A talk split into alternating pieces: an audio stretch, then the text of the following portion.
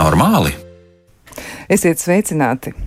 Cilvēki visā pasaulē joprojām reizēm mēģina mainīt ķermeni, un visdažādākajos veidos. Ir tādi, kuri maina savu veidolu, lai kļūtu par pasaku tēliem, ir tādi, kuri tiecas piepildīt sapni par mūžīgo jaunību, bet vēl ir kāds, kurš grib atrisināt objektīvu pamanām problēmu, un noteikti ir arī tādi gadījumi, kur vēlme mainīt savā ķermenī kaut kādu vietu vai izskatu kaut kam drīzāk diktē kas cits. Kas tas varētu būt, mēģināsim noskaidrot šodienas raidījumā. Nu ko, Pie skaņu pulta šodien Iveta Zvejniece, bet tūliņ iepazīstināšu arī ar viešņām. Un viešņas šodien pie mums ir Marta Rudakovska, ārste plastikas ķirurģis. Sveicināti! Labvakar! Un vēl esam aicinājuši sarunā arī piedalīties ārsti psihoterapeiti Zaigu Blauvu. Sveicināti! Nu, sveicināti! Nu, lūk, Kā tad ir ar ķermeni? Jo ir tā, ka cilvēki tiešām aizvien, aizvien joprojām dara šīs lietas, viņi mēģina kaut ko darīt ar savu ķermeni, un nav tā, ka nu, visi cilvēki to vēlētos darīt, bet ir kaut kāda cilvēku grupa, vai varbūt mēs pat varam runāt par šīs grupas eh, vēl sīkāku sadalījumu. Un es pirmo jautājumu gribētu uzdot tieši Martai Rudakovskai un jautāt, ar kādām vēlmēm vispār cilvēki vēršas pie plastikas ķirurga? Tās vēlmes ir ļoti daudz un dažādas. Tā, tā, tā var būt seja, ķermenis, rokas, kājas. Kā teikt, viss ķermenis, katram kaut kas savs. Tā tad nebūs tā, ka tur būs tikai varbūt, seja vai kaut kas tāds, kas ir pamanāms. Tā tad ļoti, ļoti Tas arī amplitūda. savā ziņā ir saistīts ar to, uz ko tas ārsts vairāk ir specializējies. Ja viņam viņš ļoti daudz operē, veids deguna rekonstrukcijas un plastikas, tad pie viņa jau nāk cilvēki ar deguna problēmām vai kaut ko grib mainīt. Ja? Un tad varbūt liekas tā. Mm, kā lai pasaka, nu ne absurdi, bet iekšēji vai tiešām visiem ir tikai tā vaina iekšdeguna. Kāds atkal cits vairāk krūšu kaut kādām problēmām nodarbojas, tad visi jau zina, ka ā, pie tā ārsta jāiet, tur var dabūt ļoti skaistas krūtis vai izdarīt visu iespējamo, lai tās krūtis atkal būtu frišas. Jā, tur atkal nospiedoši vairākums varbūt būs ar tādām pacientiem. Tā kā nav, nav tas tā viennozīmīgi. Jā, un ir tā, ka arī kaut kur ārpus valsts un citās zemēs ir tā, ka cilvēki tiešām ir mēģinājuši kļūt par pasaku tēliem, tur ļoti radikāls pārmaiņas ir bijušas, un tad ir nu, tādas ļoti neparastas mm -hmm. lietas, ko cilvēki ir vēlējušies. Latvijā nav nekas tāds noticis. Ne? Līdz šim nav dzirdēts. Varbūt kāds kolēģis varētu arī padalīties ar savu pieredzi, bet nē, manā praksē tā nav bijis. Nu, man vēl viens jautājums arī, kā jums pašai šķiet, nu jūs noteikti arī ļoti, ļoti daudz ko redzat un redzat dažādus cilvēkus, pacientus un arī dažādas vēlmes esat uzklausījis. Kā jums liekas, nu, kas ir tie faktori, kas liek liek vispār cilvēkiem nonākt līdz tādai idejai, ka kaut ko gribētos mainīt. Un varbūt šoreiz mēs varam fokusēties vairāk uz to, ka tas nav nemaz tik viegli pamanāmi. Tas nav kas tāds, kas ir acīs krītošs, un mēs teiktu, nu jā, varbūt par to ir vērts apdomāties, bet kaut kas tāds, ko pat grūti ir saprast, kāpēc. Um, parasti ir tā, ka tad, kad pie manis atnāk pacients vai paciente un pasaka, ka es gribētu kaut ko darīt ar teiksim, ar, ar to ķermeņa daļu vai ar to. Es vienmēr jautāju, cik sen jums šī doma ir bijusi, vai tas ir nesen nākusi prātā, vai tas varbūt jau ilgāku laiku. Un, ja cilvēks saka, es jau 20 gadus sapņoju par skaistām krūtīm, bet man nebija laika, man piedzima bērni, man viņi bija jāizaudzina. Un beidzot, es varu pievērst pati sev to uzmanību. Ja? Un, un, un vēl jaukākais, kad uh, kāds no bērniem pasakā, mamma, tu esi to pelnījis, ej un izdarīji. Jā. Tas ir laiks, kas ir daudziem. Teiksim, tā, tas nozīmē, ka tas lēmums ir bijis nosvērts. Viņš jau ir sen lolota tā doma. Tas nav ne vakar, ne aizvakar kaut kādā impulsa vadīts. Nākamais ļoti mm, ietekmē mūs arī. Mēs taču skatāmies viens uz otru, salīdzinām vienu ar otru. Ja? Vai ar savu draugu, vai ar māti, ja? vai bērnībā ejot uz kaut kādām sabiedriskām vietām, uz basēnu skatās, kā kurš izskatās. Ja? Un nākotnē vai tagadnē, kas notiek, tad, tad protams, tie ir visi televīzija, sociālie tīkli, ja, kur mēs skatoties uz to, kā citi izskatās, skatāmies uz sevi, vai mēs esam līdzīgi, vai mēs esam atšķirīgi, vai mēs esam ļoti atšķirīgi, un vai mums tas ir pieņemami, mums liekas, jā, viņš ir citādāks, un es citādāk, bet mēs abi esam izskatāmies ļoti labi. Vai arī iezogās tomēr doma, ka nē, man kaut kas savā ķermenī nepatīk, ja, un tas kas ir, kas sāk ar vien vairāk urdīt, urdīt, un, un tad cilvēks nonāk pie domas, ka jā, es gribu kaut ko mainīt. Nu, rekā, nu te ir arī vieta pajautāt eh, ārstei psihoterapeitē Zaigai Blāvai. Kā jums izskatās no jūsu viedokļa raugoties, eh, nu, ja ir tā, ka cilvēks ir devies pie plastikas ķirurga, iespējams, pēc tam viņš arī kaut kāda iemesla dēļ ir nonācis pie jums, un jums arī ir tāds sajūta, ka nu īsti nevar saprast, kāpēc viņš būtu varējis vēlēties mainīt kaut ko savā ķermenī. Kādi vēl varētu būt izskaidrojumi, kāpēc cilvēki vēlas kaut ko darīt ar degunu, ar acīm, ar, ar vaigu kauliem, es nezinu, ar jebko? Nu, tas parasti sākas um, pusauģa gados. Un, uh, tas ir saistīts ar um, ļoti straujām ķermeņa tēla izmaiņām. Nu, tad, um, augšana, pieņemšanās svarā, ne, nevienmērīga augšana, um, sejas izmaiņas, pusaudzi. Nu, tā kā ļoti daudz dažādi iemesli, un, protams, ka to gribas atrisināt tūlīt. Uh, Bet jau tas ķermenis pilnībā nobriest tikai kaut kādos 25, 35 gados, kad mēs nu, saprotam, ka nekas vairāk nemainīsies. Tā kā, nu, te būtu vecākiem pusaudz jāaptur un, un um, jāatrunā viņas no tādām pār, pārsteidzīgām lietām. Nu, piemēram, meitene kādreiz par savām kuplām krūtīm grib šīs krūtis samazināt. Vai, otrādies. Nu, protams, ka ir arī tādi gadījumi, kad eh, nepieciešama mm, iejaukšanās. Nu, piemēram, zaķi lūpa, vilka rīkle, tur nav, nav par ko.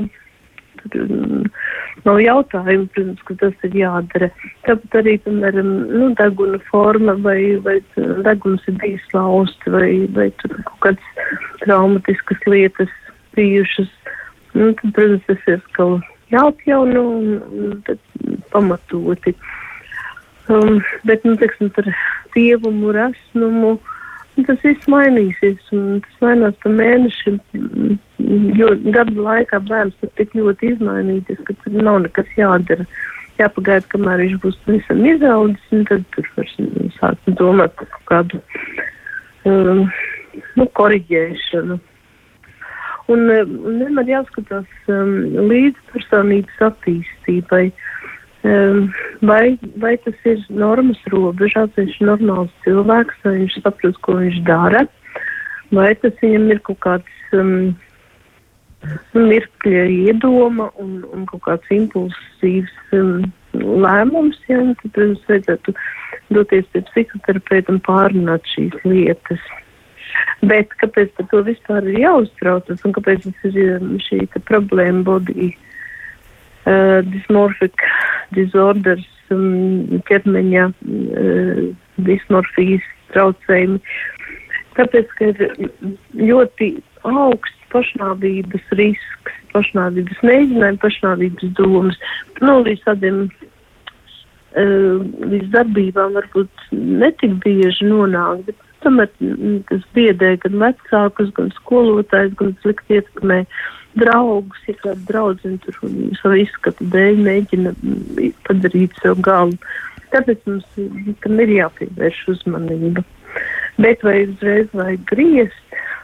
Jo um, nu, daba ir iekārtojusi tā, ka tev ir tieši tāda āda, tieši tādi mati, tādā krāsa, um, acis, acu krāsa Nu, tas ir tik labi saskaņots, ka kaut ko izmainot šajā harmonijā, cilvēks izskatīsies dīvaini. Tāpat arī, mm, nu, ja viņam nav nekādas traumas bijušas sejā, tad, tad nu, teiksim, deguna izmērs vai tur um, sejas forma viņa ir atbilstoša gan rasei, gan ģenētikai, gan, nu, konkrētam cilvēkam. Krietni jāpadomā, vai, vai tur piestāvēs kaut kāds savādāks degums vai acu forma. Ja, piemēram, Āzijā ļoti populārs ir acu spraugas e, koriģēšana. Ja, nu, arī ar ko slikts ir aziātiskā acis, viņa arī skaista. Ja, jāmāk pasniegt to. Bet um, tur ir milzīga ietekme no šīm te, mm, nu, animējas, tas, nu, tas tur ar savu kultūru, ar šīm lietām. Nu, tad viņi mēģina padarīt sevi līdz, līdzīgu uh, šim te tēlam. Nu, tad, nu, viņiem pašiem patīk, nu, nu, kamēr patīk, lai, lai viņi tā dara, bet, bet nu, jebkura operācija tomēr saistās ar zināmiem riskiem, tad tas ir kārtīgi jāpārdomā, vai to vajag darīt. Jā, patiesi, nu, arī min minētais kults, jā, animē kults, tur, tur tiešām arī tajā animācijā ir milzīgi liels acis varoņiem sazīmēts un ļoti, ļoti mm. liels, un tad pilnīgi pretrun izskatās, ka aziātiski tur vairs nav gandrīz nekā. Bet kā jūs varētu izskaidrot, nu, varbūt ir arī sociālā spiediena ietekme, nu, piemēram, tāda pieprasījuma, nu, tev jābūt jaunam un skaistam gandrīz, vai, nu, kā tāds nerakstīts likums, vai tas arī varētu ietekmēt um, cilvēkus kopumā. Varbūt ir arī tā, ka tas nav tikai ļoti, ļoti jauniem cilvēkiem, bet vai jūsu praksē ir bijis arī tā, ka ir kāds cilvēks, kas ir mazliet vecāks jau, kas liekas, ka ir sasniedzis tos 25, 26 gadus, bet tomēr viņam ir tā ideja par to, ka kaut ko vajadzētu mainīt? Nu, diezgan bieži, piemēram, māmiņas pēc um, bērnu bar, barošanas krūtis ir mainījušās, un tad viņas mēģina tur, um, nu, um, nu, atgūt to tādu savu jaunavīgo formu. Vēders varbūt pēc um, dzemdībām izstiepies. Un, nu, ir, ir jau lietas, kuras var sakārtot. Un, bet, um, nu, vienmēr jāparunā arī ar, ar, ar fizioterapeitu. Varbūt, to var darīt ar vingrošanu, ar kaut kādiem, nu, tādam ambulatoram, tādām neķirurģiskām metodēm. Nu, tad katram gadījumam jāpieiet ļoti individuāli. Jā, nu tā. Vienkārši jāskatās, vai, vai tas bērns, mm, nu, piemēram, vai viņš nav nonācis kaut kādu tur um, filmu ietekmē vai kaut kādu tur viņiem ir savi, savi paniku, savi, savi tādi kultu uh, cilvēki, kurus viņi mēģina atdarināt, nu, bet tas jāsaprot, ka mm, neizdosies. Viņam tas cilvēks savādāks piedziņas. Un līdz ar to tomēr un, un ļoti daudz ko var izdarīt ar dekoratīvo kosmētiku un, un tādām nekaitīgām metodēm. Jā, nu to tad mēs eh, paturam prātā, bet es atradu tādu citātu, nu, viena no, no zināmākiem ārstiem izteikums. Eh, nu, varbūt neminēšu šoreiz uzvārdu, bet uh, man tas liekas diezgan iezīmīgi, un es teiktu arī, ka laikam nav ļoti, ļoti būtiski tie argumenti mainījušies, un tad es arī noteikti aicināšu jūs abas divas izteikt kādu komentāru. Un tas citāts tāds ļoti īss, ja, ka mūsdienu darba tirgus pret strādājušiem ir ļoti prasīgs. Labi izskatīties tagad nepieciešams nevien aktrisēm un televīzijas diktoriem, bet arī biroja administratoriem un administratoriem organizatoriem, grāmatvedēm un grāmatvežiem. Un, protams, augstu līmeņu vadītājiem var droši apgalvot, ka ir skaidri samanāma sakarības starp pārējo izskatu un sociālo veiksmi. Cilvēki atbrīvojoties no nepilnvērtības kompleksa, kas bija saistīts ar viņu izskatu, spēja labāk izmantot savus potenci potenciālu. Tātad forma izceļ saturu. Nu, vai tā ir? Varbūt arī tagad eh, jautāšu doktorai Rudakovskai, nu kā izskatās? Cilvēki saka, ka viņiem ir jāizskatās labāk, tāpēc, ka viņiem darbā to pieprasa, vai arī viņi tā jūtas, ka tā vajadzētu būt? Uh, tiešā veidā es ar to neesmu saskārusies, ka man kāds teiktu, man citādi atlaidīs no darba, bet tā pašsajūta jau uzlabojās. Jā, vai arī, ja mēs runājam kaut vai par to pašu plakstiņu korekciju, ja cilvēks ikdienā strādā, viņam grūti. Viņš varbūt acis, tāpēc jau vasarojot, tie plakstiņi tiešām ir, kā lai pasaka, tādi ir izstiepusies, viņi guļās uz skropstām, cilvēks nevar uz, uzkrāsoties normāli, un tīri objektīvi arī fizioloģiski ir sākušās problēmas. Ja? Un tad mēs tā kā nošaujam divus zaķus, gan tas vizuālais uzlabojas, gan arī tīri funkcionāli. Ja? Ir daudz vieglāk, man pēc tam saka, jā, doktor, man vairs neasaro acis, man ir daudz vieglāk strādāt, es varu ilgstošāk ciešāk strādāt, un, un tas, teiksim, viena no tādām sadaļām. Ja mēs atgriežamies par tām māmiņām, kuras varbūt vēlas uzlabot to savu ķermeņa formu, mēs, protams, apskatāmies, izrunājam visu, vai kāds tagad ir mm, plāns dzīvē, vai ir gribās vēl bērniņus, jo operēt var un varbūt reizēm arī vajag, ja? bet jārēķinās ar to, ka neviena operācija nav efekts uz visu mūžu. Ja? Un, ja tā ģimenes plānošana vēl nav pabeigta, tad mēs arī izrunājam, ka, ja piedzims vēl kāds bērniņš, tas tā forma atkal mainīsies. Un, ja mēs runājam, ka ir kaut kas, ko var arī bez ķirurģijas, protams, tas tiek ieteikts. Tā ir visa fizioterapija, ir kādas uh, procedūras ādas kvalitātes uzlabošanai, kur mēs nesteidzamies skriet uz operāciju zāli, ja mēs zinām, ka šeit to var sakārtot konservatīvi. Ja? Un pateikt, varbūt varbūt atnāc ciemos pēc desmit gadiem, paskatīsimies, varbūt kaut ko vajadzēs darīt, bet šobrīd noteikti nē. Jā. Un ārsts ir speciālists ar pieredzi un ar savu skatījumu, un ja kaut kas galīgi nesakrīt ar manu priekšstatu un cilvēks uzstāja, es vienmēr varu pateikt, nē, šeit, šeit nevajag to darīt, un mēģināt cilvēkam paskaidrot, kāpēc to nevajag darīt. Un, uh, ja cilvēks iziet no tava kabineta smaidīgs, paldies, doktor, ka jūs man neļāvāt, jā, tas, tas manuprāt, ir lieliski. Vai jā. ir tā bijis, ka jūs skatāties uz cilvēku un viņš jums stāsta kaut kādu savu stāstu ja, par to, ka jā. tagad viņš grib to un to un to, un jūs sakāt, nu, man izskatās, ka nē, un, es, un jūs esat atteikusi un pateikusi, nu, nē, ka jūs to nedarīsiet. Vai tā ir? Jā, bijis? tā ir bijis, jā. Varbūt jūs vēl varat arī mazliet konkrētāk iezīmēt par plastikas ķirurģiju vispār, kas tas ir. Jo man šķiet, ka cilvēkiem, dažiem vismaz, noteikti ne Jā. visiem, bet dažiem cilvēkiem ir arī tāds priekšstats, ka tas ir tiešām tikai par to, ka nu, Jā. nu, tagad plakstiņi, ja tur mm -hmm. vaigi, lūpas un Jā. krūtis. Un... Tad uh, plastikas ķirurģija visā pasaulē uh, sastāv no trim lielām sadaļām. Tā ir estētiskā ķirurģija, rekonstruktīvā ķirurģija un rokas ķirurģija.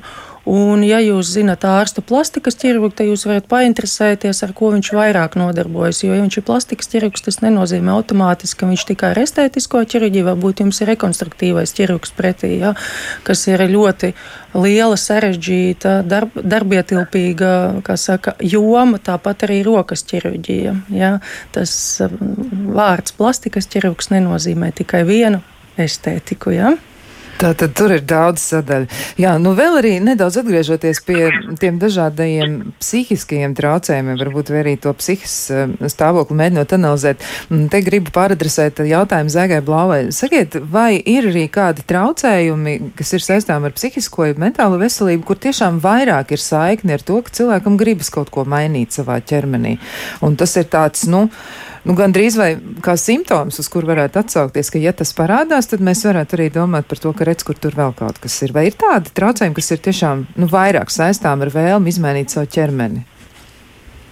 Nu, protams, ka mm, cilvēks, kuram ir uh, zema pašcieņa, kurš nav saņēmis atbalstu ģimenē, kuram vecāki nesaka, ka viņš ir skaists un jauks un mīlīgs. Un, nu, vai draugi viņam arī saka kaut ko pretēji, vai ļoti viņu ietekmēs no nu, dažādām modes tendencēm. Tad, jā, viņam, gribas, viņam šķiet, ka izdarot kaut kādu procedūru vai, vai operāciju, tad, tad viss, viss izmainīsies. Um, tagad, piemēram, meitenes um, uh, lūpas koriģē nu, tos filtrus iekšā. Nu, rezultāts ir tas, ka tās lūpas ļoti sāpīgas, viņas šļupst, viņi nevar parunāt, viņas nevar iedzert ūdeni, ūdens tek gar lūpām garām.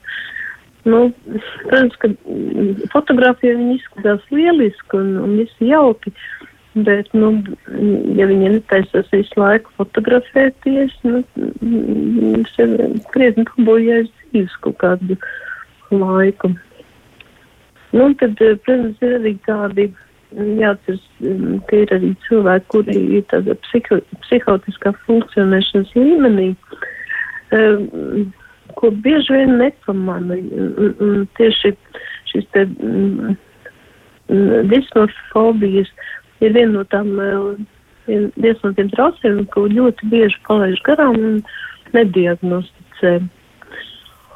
Un, un, un tad tas um, vēlēšanās pārveidot savu ķermeni aizved līdz tam pilnīgam absurdam. Piemēram, nu, es gan neesmu savā praksē nekad tādu redzējis, bet, nu, ir tādi cilvēki, kas, piemēram, grib amputēt savu kājas, kas kājas viņam traucē. Nu, tad kā tālāk dzīvot viņam, ja, uz to brīdi varbūt viņš apmēr, apmierina kaut kādu savu psihotisku ideju, bet, nu, viņam taču tālāk būs garu dzīvi jādzīvo un, un kā viņš pārvietosies. Un, nu, bet, piemēram, um, nu, šie te gender disforijas, tie, tie pacienti, ja, nu, tas, ka viņš um, jūtās kā, kā pretējā dzimuma cilvēks, nu, bet lūdzu, velc mugurā kleitu vai bikses vai, nu, ko vien vēlies. Krāso matus, nozina tos matus pavisam, izaudzēt gārus, nu, gribās kaut ko ar savu ķermeni darīt, tur izkrāsojies, nu, varbūt kādas auskaras vēlies.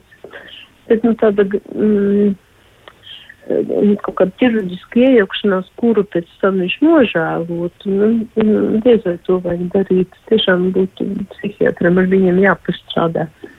Piemēram, šī te, nu, teiksim, puisis grib kļūt par meiteni, tagad viņš ir implantējis um, krūtis, tad viņš ir um, noslīpējis uh, pieres kaulu uz augurus, tad viņš ir izmainījis gāmuru, mm, nu vēl tur gurnus paplašinājis. Nu, tas, tas viss ir sāpīgs, grūts operācijas, tur ir tik daudz tādu, nu, elementāri kaut kāda infekcija tur iekļūst. Nu, bieži vien tā kopšana arī nav tāda pietiekami laba. Nu, es domāju, tāda viņa paša prūpe. Un, nu, tas ir liels nepatikšanas, kas pēc tam gadiem ir. Um, vai arī, piemēram, viņam viņš pēc kāda brīža maina savu viedokli par savu dzimumu un grib atpakaļ. Nu, ko tagad darīt ar tiem nogrieztiem orgāniem? Atpakaļ jau vairs viņus nedabūs. Nu, kā tur šādos gadījumos, kad grib kaut kādas dīvainas lietas darīt, sev vienmēr vajag paaicināt. Uh, psihiatrs vai psihoterapeitus izvērtēt, vai tiešām, un, teiksim, tādiem nepilngadīgiem vispār neko nevajadzētu darīt, nepieļaut.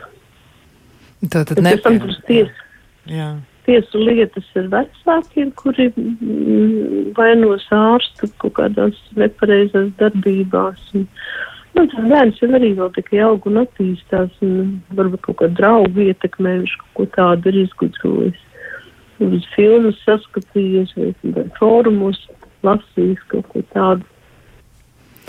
Jā. Um, Tā tad, tā tad jāpatur prātā noteikti tas, ka tur būtu jāveic sīkāk izpēti, jāmēģina ir izanalizēt, kas tad īsti ir noticis. Un, un arī gribu jautāt uzreiz arī tad mm, doktorai Rudakovskai, bet kā ir, ja, ja pie jums nāk cilvēki un jums rodas nu, tādas zināmas pārdomas par to, kas tas varētu būt, vai jūs uh, iesakāt doties viņiem pie citiem speciālistiem, ja tas nāk Jā. tā, nu, nu kā vispār tas notiek? Ja mēs atgriežamies pie iepriekšējās tēmas par to dzimumaiņas operāciju, tad visā pasaulē tā praksa ir tāda, ka cilvēkam jāiziet pieaiziet ļoti daudz speciālisti. Ja? Tā ir skaitā psihiatrs, psihoterapeits un ķirurgs jau ir pats pēdējais. Ja neviens ķirurgs neņemts uz operāciju, ja tas cilvēks nav sagatavots, ja nav saprasts, ka tiešām viņam šī operācija palīdzēs. Tas, kas ir interesanti tagad, kad ir pagājuši jau vairāki gadu desmiti, tad atkal parādās cilvēki, kas atkal gribētu mainīt to savu sākotnēju. Ja? Tad, tad sāc, sāc saprast, ka kaut kur tajā visā ir kaut kas ir palaists garām, kāpēc viņš no vīrieša gribēja kļūt par sievieti un tagad atkal grib kļūt par vīrieti. Jā. Tur man grūti būtu kaut ko jā, iebilst, vai kā, kā tas tā ir sanācis. Um, attiecībā par to, ja cilvēks prasa kaut ko, ko es neesmu gatava darīt, vai tad ir tā, kā es iepriekš runāju, mēs pirms izrunājam to problēmu, kā cilvēks to redz, ka, ko mēs varētu darīt, vai varbūt šeit nekas nav jādara. Jūsu ķermenis ir skaists, jā. Un tad, ja es viņam, pa, tam cilvēkam pasaku, diemžēl es jums nevarēšu palīdzēt, ja, tad uh, grūti gan ir uh, iedomāties veidu, kā tā smalkjūtīgi pateikt. Varbūt jums jādodas pie kāda cita speciālista, jo tiklīdz mēs pieminam psihoterapeitu, tad daudz apvainojas, ja viņiem liekas, ka dārs man uzskata par traku, jā, un, un, un ar ļoti negatīvu attieksmi aiziet prom no tavu kabinetu meklē nākamo plastikas ķirurgu, jā, kurš varbūt piepildīs tās viņa vēlmes. Tas būtu interesanti pajautāt manai kolēģei, kā, kā ir, kā ir tas veids, kā, kā mums to pats sniegt cilvēkam.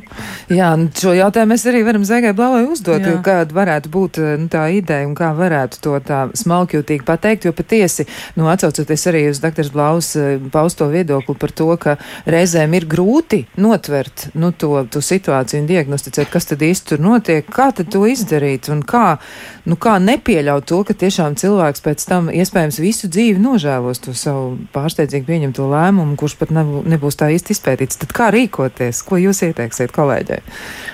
Es domāju, ka vajadzētu jau pašā sākumā tur um, kaut kāda bukletiņā vai, vai tajā līgumā, ko, ko pacients slēdz ar ārstu un ārstniecības iestādi, ka tur vajadzētu iestrādāt šo te prasību, ka ir jābūt slēdzienam, atzinumam, izvērtējumam. Nu, šis izvērtējums nav tā, nu, tā kā parasti mēs saņemam. Uh, patoloģiju neatrodu vai nu, kaut kādos īsos vārdos ne ļoti rūpīgi. Mm -hmm. četrām asesmentu sesijām, izvērtēšanas sesijām rūpīgi un mm, ir šis te paraugs pieejams um, dažādos um, manuāļos, man, nu, dažādos rokas grāmatās. Cilvēki nezinu, ko rakstīt. Var vienkārši tas pašpikot un, un, un apskatīties, kam tur ir jābūt. Un, um, tā ir, uh, tas ir slēdzis kaut kādām varbūt četrām pat desmit lapām. Katrs tur aspekts ir izvērtīts ļoti rūpīgi. Un, uh, un noteikti arī viņam jāiedod laiku, lai viņš izdomā, pārdomā. Ja, ja tas ir um, uh, stipri jauns cilvēks, tad ir vērts ar viņa vecākiem aprunāties. Nu, bieži vien, ja te jaunieši ļoti iespītējas, un, un tad viņi pat pa katru cenu. Nu, arī tas, sakīs, tā um, plastikas ķirurģijas dārdzība arī kaut kādu, kaut kādu labumu dod, jo, nu, nav, nav tiem bērniem tik daudz naudas, lai viņi tā šķaidītos. Tā kā, nu, es arī strādāju par labu viņiem. Bet, nu, protams, kad ir šie gadījumi, kad, nu, teiksim, ne, nu, tiešām tur dažādi izmēri krūtis, deguns šķīps, um, varbūt traumēts, um, varbūt, um, varbūt tiksim, priekšlaicīgi dzimušiem bērniem bieži vien ir diezgan izteikts displāzijas sejā. Nu, to visu var koriģēt, protams. Nav nekādu iebildumu. Tāpat arī viena no tādām um, uh, ķermeņa disforijas pazīmēm ir vīriešu neapmierinātība ar savu muskuļu um, stāvokli. Viņam gribas tādas skaistas, nu tā kā mm, grieķu dievam tādas skaistas reliefas muskuļus. Un, un tad viņi pie tā strādā. Un tur arī viņiem vajadzētu mm, kaut kādu padomu dot tieši no veselības viedokļa, jo Viņi lieto gan dažādus hormonus, gan olbaltumu vielas, varbūt nu, nesamērīgos daudzumos. Nu, tur vajadzētu labu speciālistu, kas tam visam pasako. Tāpat arī trenerim, ja tam. Um, Nu, ja viņš nav tur, um, ja viņš ar to naudu nepelna, tad man tur bodybuildings un tāds. Bet nu, tas parasts cilvēks, viņš vienkārši rūpēs par savu ķermeni. Nu, tas ir pilnīgi cits prasības un cita pieeja ir. Ķermenis ir labi attīstīts, muskuļots, bet mm, tas reliefs, kur ir tikai muskuļi un nav tauku pa virsmu, tas nav tā īsti veselīgi. Tad tādiem dabiskiem līdzekļiem ļoti grūti panākt, praktiski nav iespējams panākt. Un, eh, un teiksim, par to skaistumu runājot, ar ko, ar ko tad um, jāsāk? Pirmkārt, tā ir āda. Jārūpēs, lai āda būtu ļoti labā stāvoklī. Un kā šo ādu panākt labā stāvoklī, tas ir labs miegs, labi izgulēties, vismaz 8 stundas dienā um, ar sportu uh, jānodarbojas um, nu, ne jau. Ne jau ar lielu tādu, nu, tādu profesionālo sportu, bet vienkārši kustību, svaigā gaisā, patīkami visādi emocionāli piedzīvojumi. Labsēdiens, izcila diēta, nu, tāda ļoti sabalansēta. Nu, Parasti tas meitenes par diētu uzskata kaut kādas pilnīgas, nezinu, nu, tā, tā kā koncentrācijas lāģerī tiešām brīžiem ēd, bet šai diētai jābūt ļoti sabalansētai. Un, ja būs pareizs ēdiens, būs arī skaista āda lītās. Nedrīkst smēķēt, smēķēšana nogalina skaistumu. Un um, alkoholu arī alkoholu lietošana maisa zem acīm un tādu um, kapilāru tīklojumu sejā. Nu, atsakot, cilvēki, viņam tas alkoholisms ierakstās sejā, un tad nekāda smukuma vairs nav. Jā, tādā burtiskā tā. nozīmē, jā. Jā, jā. jā. Nu, ko, mums vēl būs arī daudzi gan ieteikumi, gan arī, protams, mums vēl ir daudz jautājumu, ko uzdot par šo, bet mēs to visu darīsim pēc ļoti, ļoti īsa brīža.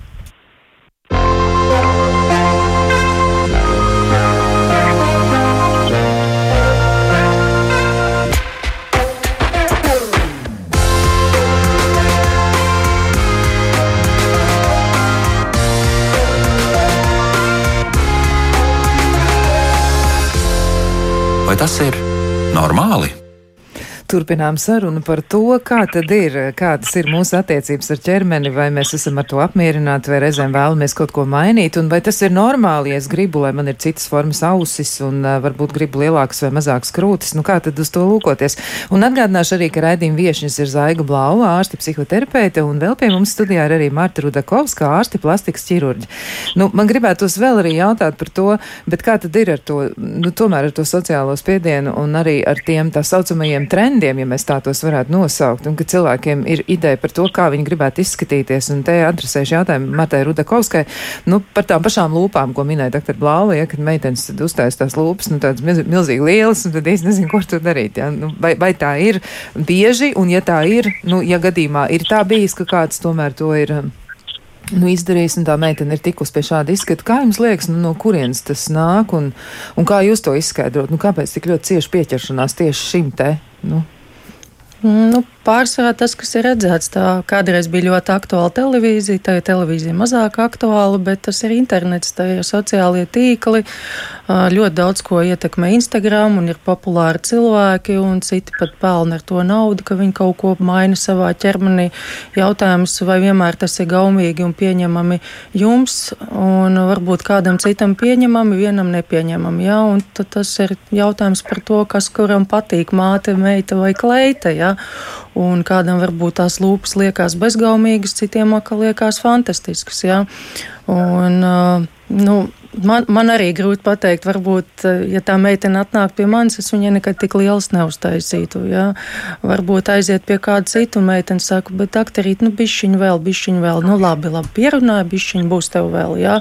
Protams, tur ir tik daudz un dažādu nianšu, jā, kas var būt, bet es domāju, jā, tas ir apkārtējo cilvēki, ko mēs ikdienā sastopam, plus tagad ļoti daudz dzīvo virtuālajā pasaulē, jā. Tas ir um, internets, kur mēs varam atrast to, ko mēs vēlamies priekš sevis, un ja mums tiešām kaut kas ļoti patīk, tad mēs tieši to arī atrodam un atrodam, uz ko līdzināties. Jā. Tas ir cilvēku daba. Cilvēku daba dažreiz gribas, lai, lai nebūtu spoguļu vispār. Varbūt, vai tas varētu mainīt pasauli, ja nebūtu spoguļu un nebūtu iespēja paskatīties uz sevi, mēs skatītos uz citiem cilvēkiem, bet mēs nezinātu, kā, nu, kā izskatāmies paši, un mums nebūtu iespējas sev salīdzināt. Kā jums liekas, dr. Rudakovska, vai tas varētu mainīt cilvēku attieksmi pret sevi? Varbūt viņi netiektos tik ļoti kaut ko. Varbūt kādā ziņā, jā, tas būtu ļoti interesanti, jā, dzīvot bez spoguļa.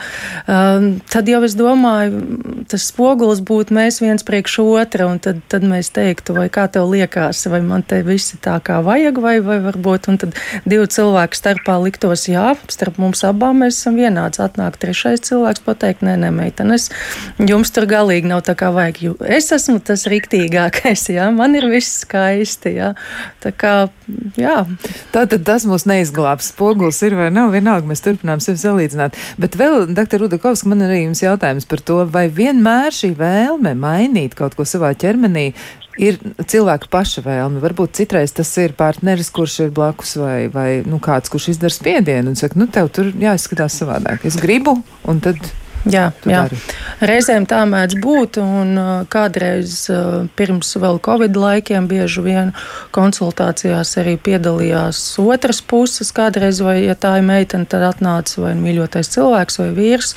Un, uh, jā, mēs ļāvām piedalīties konsultācijās, bet tad arī tomēr jāskatās, kurš tad tur ir tas galvenais. Ja? Un mēs vienmēr arī sakam, bet tās krūtis jau būs tev jānēsā 24, 7. Ja?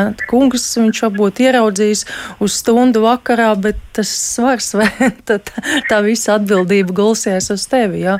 Un, un, un, un ja redz, ka tiešām, kad ienāk meitene un viņa vispār pat vārdu nepasaka, ja, tad varbūt vajag padomāt, vai viņa tiešām būs priecīga un laimīga. Varbūt viņa pēc tam izšķirsies no tā cilvēka, bet krūtis būs palikušas, un ja viņas būtu jau no paša sākuma negribējās viņas taisīt. Jā. Tā kā, jā, ir. Tā tad ir tomēr arī par to ir vērts domāt. Bet vispār, ko tad jūs varētu teikt par tieši par vīriešiem, par sievietēm? Kas tad ir tas, ko nu, doktor Blau teica, ka vīrieši gribētu muskuļus vairāk, ja? bet ko vispār jūs novērojat? Kā... Nu, pa lielam, nē, vīrieši tāpat kā dāmas, viņiem plakstiņi arī problēmas, ja tāpēc, ka mēs visi novecojam, mums arī vīriešiem var būt grūti skatīties acis asaro. Ja. Gravitācija mūs jā, atrod jā, jā, visur, tāpat ja? sejas smagums, kas nāk gadiem ejot. Uh, nākamā ir lieta vēl tāda saucamā ginekomastija, ja, kas ir vīriešiem ir, nav izplatīta problēma, bet tā ir problēma, ja, kad ir palielināta krūša dziedzeri, ja, un kas ir dažādos vecumos. Mēs skatāmies, vai tā ir pubertāte, vai tas ir cilvēks, kas, ko doktoriem Blauva iepriekš minēja, ja mēs runājam par to muskuļu masu, tad tas ir dažādi steroīdu ietekmē, kas ir lietoti, ja viņi ir izaudzis, un, un tā ir viena arī no lietām, ko, ko varbūt vēlas atrisināt. Tāpat kā dāmām, kungi, kungiem arī nepatīk lieli vēderi vai noļukuši vēderi. Tas var būt procentuāli bišķiņ mazāk, bet vīriešiem ir tieši tās pašas jā, prasības kā, kā sievietēm. Varbūt tas daudzums, ko es savā ikdienā sastopu, bišķiņ mazāks, jo vīrieši kaut kā vieglāk pieņem sevi, vai viņi saka, es tāpat skaists. Un vēl viena lieta, ka, nu, man liekas, kungi bišķiņ bailīgāki ir, lai saņemtos un iet pie ārsta operēties. Jā. jā, bet vai gadījumā nav arī tā, ka attiecībā uz sievieti sievietēm un sieviešu izskatu varbūt ir izdarīts lielāks spiediens, vai sabiedrība turpina izdarīt lielāku spiedienu. Sievietēm jābūt skaistām. Par vīriešiem mm, nav tik liela. Jā, man ir prieks, ka gadu desmitiem, simtiem ejot, tās sievietes ir kļuvušas daudz neatkarīgākas, mazāk pakļaujās vīriešu ieteikumiem un spiedienam, bet, protams, tas nekur nav pazudis pilnībā. Jā. Mēs tomēr uzklausām savus apkārtējos, savus mīļotos cilvēkus, un ja viņš tev no sākuma pa jokam, pa bišķītiņam tā pasaka, pasaka, pasaka, tu vienā brīdī varbūt pat tam notic un sāc domāt, mm, varbūt tiešām kaut kas nav riktīgi. Vai vienmēr tas ir objektīvi, man ir grūti pateikt, jā, tas ir jāskatās pēc katra, nu, individuāls gadījums, jā. Jā, nu, es gribētu arī Zaigai Blauai jautāt, bet kā tad ir, ja, ja tā pat nav tās, piemēram, sievietes vēlme, ja, nu, kaut ko mainīt, bet izskatās, ka tas varētu būt kāds cits cilvēks, kas viņu vedina to darīt. Nu, ko tādā situācijā jūs ieteiktu? Um, kā, kā uz to lūkoties un, un kā vispār tas būtu izskaidrojams? Vai tā var būt, ka partneris ir tas, kurš vedina otru cilvēku pieņemt lēmumu par to, ka viņam ir jāmaina savs ķermenis un kā tad šo problēmu varētu risināt? Nu, ja, ja tas ieteikums mainīt ķermeni ir um, atbilstoši sievietes interesēm, vienkārši līdz šim nav vienkārši uzdrošinājusies to darīt. Nu, tur kopīgi izlemt un aiziet tiešām kopā pie psihoterapeitu uz ģimenes konsultāciju un, un kādu laiku pastaigāt un parisināt šo problēmu. Bet, ja tā ir kaut kāda vīra iegriba, viņam ir tieši tāda izmēra krūtis vai tur, um, nu, kaut kāds viņa untums. Bet tas ir sievietes ķermenis, kāpēc viņai ciest nepatīkamas sajūtas. Nu, es domāju, ka prātīgi būtu, ja viņi iet pie psihoterapeita un paliktu terapijā vismaz 3-5 gadus. Un tiktu.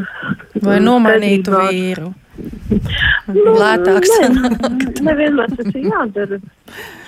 Um, Jo cilvēki jau attīstās visu mūžu, un kaut kādā brīdī jau viņi arī pieaug un kļūst gudrāki. Un, bet viņi atgūst pašcieņu, pašapziņu, un tad jau viņi izlems, viņai vajag to operāciju vai nevajag. nu, arī cilvēki vecum, vecumā var būt ļoti skaisti un kopti un, un sapucējuši. Es vienā iedomājos Ilonu Maska māti, kur bijusi modele. Viņa skaista sieviete savus pār 70 gados. Un tāds piemērs varētu ļoti daudz atrast, ja kur um, uh, es neredzu tur kaut kādas plastikas ķirurģijas pēdas. Nu, varbūt tādas ir bieži, bet, nu, katrā ziņā viss ir gaumīgi un, un samērīgi. Tā, ja tas ir gaumīgi, tad jau. Viņas pat baltie mati, jā, baltie mati, tur iedegusi jāda, viņi skatās lieliski. Atbilstoši savam vecumam. Un, ja jautājums par pieņemšanu darbā, kāpēc lai tādu sievieti nepieņemtu darbā, viņas 70 gados, ja viņa spēja darīt to darbu. Ir ļoti daudz profesijas, kur um, nav tāda vecuma cenza. Mana profesija viena no tām, ja, jo pieredzējušāks terapeits, jo viņš ir vērtīgāks, jo viņš zina, kas ir vecums, slimības, nāve, zaudējumi. Nu, tas ir 25 gadīgs terapeits, kas neko vēl tādu nav piedzīvojis, nu, ko viņš var dot savam klientam. Tā kā, mm, nav tā, ka, um, protams, ja tu esi biroja administratori un uz darbs ir gatavot kafijas man priekšniekam, nu, tad tas varbūt ir citas prasības. Bet, nu, ja tu esi profesionāls, ir advokāts, ārsts, skolotājs, nu, es nedomāju, ka tur būtu jātais plastiskai. Plastiskās operācijas līdz patiktu darba devējam. Plastiskās operācijas tiešām dara tad, kad tiešām ir kaut kāda liela problēma nu, piemēram, apdegums uz sejas, vai dzimuma zīmes, vai pigmenta plankumi, vai hemangiomas. Nu, tāds, ka, nu, ka tas cilvēkam traucē dzīvot. Un arī, protams, pēc dzemdībām, pēc um, notiedēšanas, arī tur, nu, tās visas lietas mēs varam darīt. Nu jā, tas izklausās tā ļoti loģiski, ka tad tam varētu būt arī pamatojums. Un man liekas, ka viens no kritērijiem mm -hmm. varētu būt tieši tāds, ka mēs nevaram atrast to, nu, to pamatojumu, mēs viņu nevaram ieraudzīt. Īsti nav saprotams, kur tas, kur tas būtu meklējams.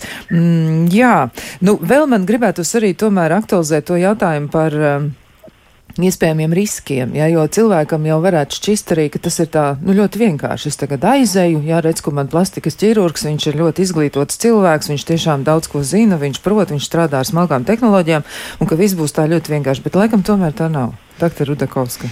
Jā, un tas, ko mēs konsultācijās arī darām, mēs izrunājamies ar cilvēku, apskatāmies, saprotam, vai ir tas, iemesls, kāpēc viņš ir atnācis, vai tas tiešām ir jādara. Un, ja mēs to darām, tad kā mēs darām? Un tad, protams, sleko daudz informācijas par to, ko nozīmē šī operācija, kāds būs tas pēcoperācijas periods, ar ko būs jāsaskarās. Un, protams, tās arī ir komplikācijas. Un tad uh, izcenas vecais jautājums, doktor, vai šī ir sarežģīta operācija? Un es saku, nu tas tā, kā, kā uz to skatās. Varbūt viņa tīri tehniski nav sarežģīta, bet uh, var jau sanākt visā visādi. Es varu uztaisīt 101 vienādas operācijas, 99 paies lieliski, un, un, un, un simtajā kaut kas notiksies. Jā. Un vai jūs būsiet tas cilvēks tajā vienā procentā vai 99, es nevaru garantēt. Es varu garantēt, ka es darīšu visu pēc labākās sirdsapziņas, bet uh, uz to jāskatās. Nu, tam cilvēkam jābūt gan fiziski, gan morāli sagatavotam. Jā. Un to pat reizēm var redzēt sejās, kad cilvēks ienāk. Man bija arī salīdzinoši nesen viens tāds gadījums, kur es visu izstāstīju, un tad man pacients teica, jā, doktor, es domāju, ka būs daudz vienkāršāk. Viņš domāja, es tā fiksi te atnākšu, izdarīšu, un tad metīšos skriešu uz darbu, bet izrādās tur tiešām ir jāgatavojas. Nē, nē, man ir jāpadomā. Ja? Tā kā tas ir viss Viss ir saistīts ar runāšanu, un daudz stāstīšanu, informēšanu, un atkārtot un atkārtot. Jo reizēm ir tā, ka cilvēks jau varbūt pārņemts vai ieņēmis savā galvā kaut kādu domu. Jā, viņam ir objektīvi, jā, mēs to varam izdarīt, bet viņš līdz galam nedzird, ko es stāstu. Jā. Un, un, un, un tad, tāpēc ir vērts to katru reizi atkārtot, kas tevi sagaida, kā tas viss būs, lai, lai beigās būtu mēs abi priecīgi, jā, jo apmierināts pacients, apmierināts ārsts. Jā, tā ir man lielākā dāvana, ja cilvēks ir smaidīgs un priecīgs pēc tam, ja viņš kaut ko ir izdarījis. Jā. Noteikti, jā, tas varētu būt tāds lielisks rezultāts, bet vēl jautājums arī par to pašu tehniku, vai ir iespējams modelēt, nu kā tas notiek, vai jūs tiešām arī izmantojat nu, to, ko mēs arī kādreiz esam filmās redzējuši. Nu, tur ļoti daudz mums ir dažādi stereotipiski priekšstati un fantāzija. Jā, kādreiz jā, ir tādas tehnoloģijas pieejamas, bet problēma ir iekš kā mēs varam datorā ievadīt programmu, ievadīt rādītājus un pateikt, būs nu, paredzēt, ja, rekonstruēt, teiksim, tā, kā tas varētu izskatīties. Ja cilvēks saprot, ka tas ir tikai iespējamais variants, jo tur netiek uh, ņemta vērā ādas kvalitāte un daudz, daudz, daudz faktori, kas ir nav iespējams ievadīt, ja, ko mēs saprotam ar aci, ar pieredzi, ja, ko mēs saprotam, kā tas varētu būt, ja, tad, tad cilvēks pieķersies tai bildē, kas viņam ir uzmodelēta un iedot, viņš pateiks, bet jūs man solījāt, ka būs šādi, ja, Ja? Līdz ar to kaut kur tas palīdz un kaut kur tas otrādi kaitē. Ja? Mēs izmantojam višķiņu citādākas tās metodas. Mēs izstāstam, parādām, jau vajag uzzīmējam, ja izējam tam visam cauri. Bet, bet ir tā bijis, ka ir tāda nu, izteikta vilšanās, un, un bijis ir pamatots tas lēmums, un jūs saprotat, jā, tur ir tiešām nu, kaut kas tāds, ko cilvēks ir vēlējies mainīt, un jūs objektīvi saprotat, jā, tur tiešām tas būtu tā saprotami, tur nav tas noslēpums ja, jā, par to, ka jā, varbūt jā, ir cits jā. kāds traucējums. Jā, tas uh, par laimi nenotiek bieži, bet reizēm jā, ir iz, izsvērts it kā lēmums, jā, esam kopā nolēmuši, izrunājuši, ir piedāvāts dažādas opcijas, cilvēks ir izvēlējies, saka, tu saproti, jā, ka tā būs, tā kā mēs te sarunājām, un pēc tam cilvēks ir neapmierināts. Jā, ir ļoti žēl, ka kad nav izdevies to notvert jā, ārstam. Bet to, to, man liekas, ir diezgan grūti izdarīt. Mēs cenšamies, lai tā būtu pēc iespējas mazāk, ja ka cilvēks pēc tam ir nav priecīgs vai otrādi nelaimīgs, ka viņš kaut ko ir izdarījis. Jā, te es arī gribu pajautāt Zaigai Blāvai, bet vai varbūt arī tā, ka cilvēks, kurš ir izmainījis savu ķermeni un tiešām tā vēlme ir bijusi, nu kā mēs vienosimies, tagad pieņemsim, ka tā ir bijusi pamatot, ja? un pēc tam, kas notiek pēc tam, vai tas viss ir tik vienkārši, vai ar šo izmainīto ķermeni un varbūt ar to nosacīto jauno dzīves startu ir tik viegli, ja pirms tam cilvēks ir, piemēram, dzīvojis tādu ļoti ierobežotu un atsevišķinātu vai distancētu dzīvi, tāpēc, ka viņš ir domājis par sevi, ka viņš nav pietiekami skaists, un tagad, lūk, viņš beidzot ir mainījis sevi. Kā tas notiek tālāk, vai tas ir tik vienkārši? Nebūtu tas nav vienkārši.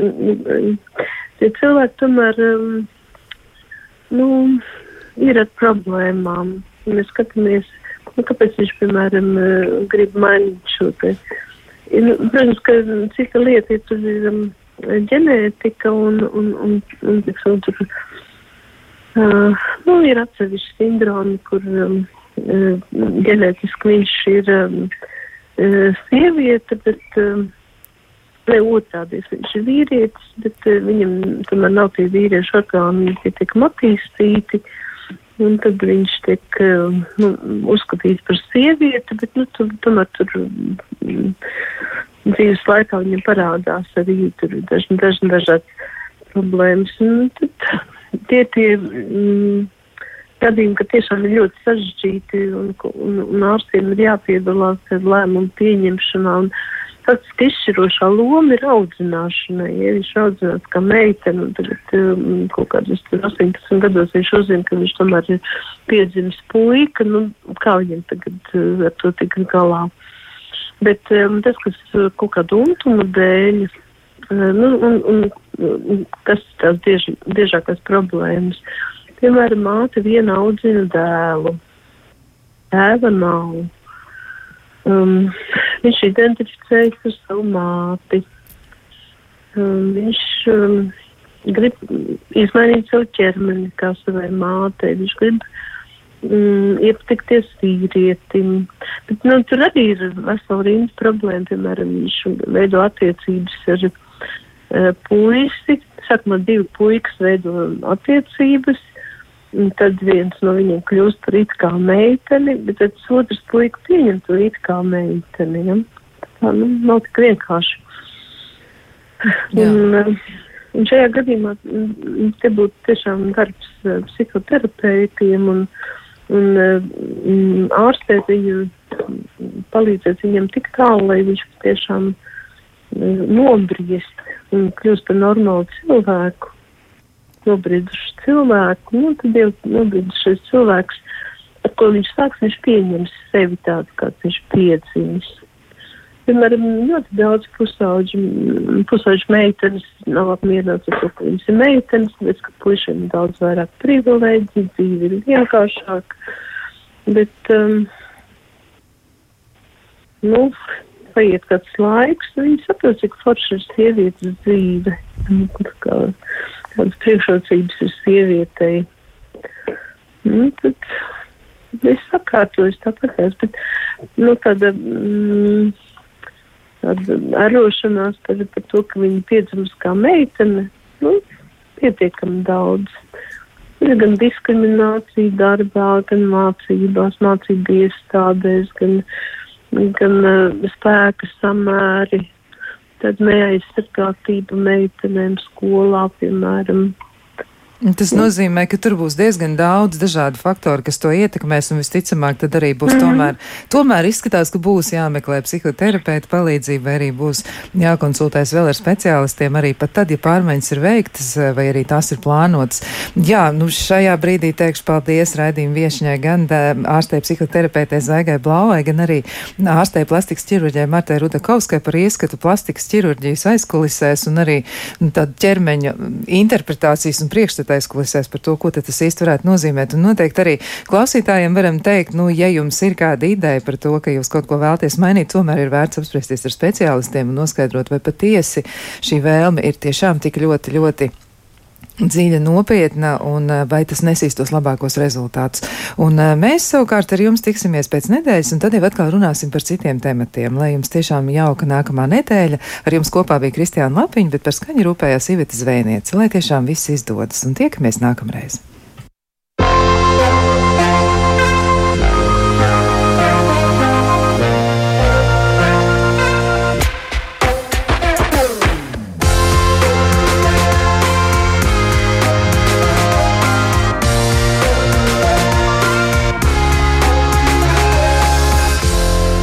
Vai tas ir normāli?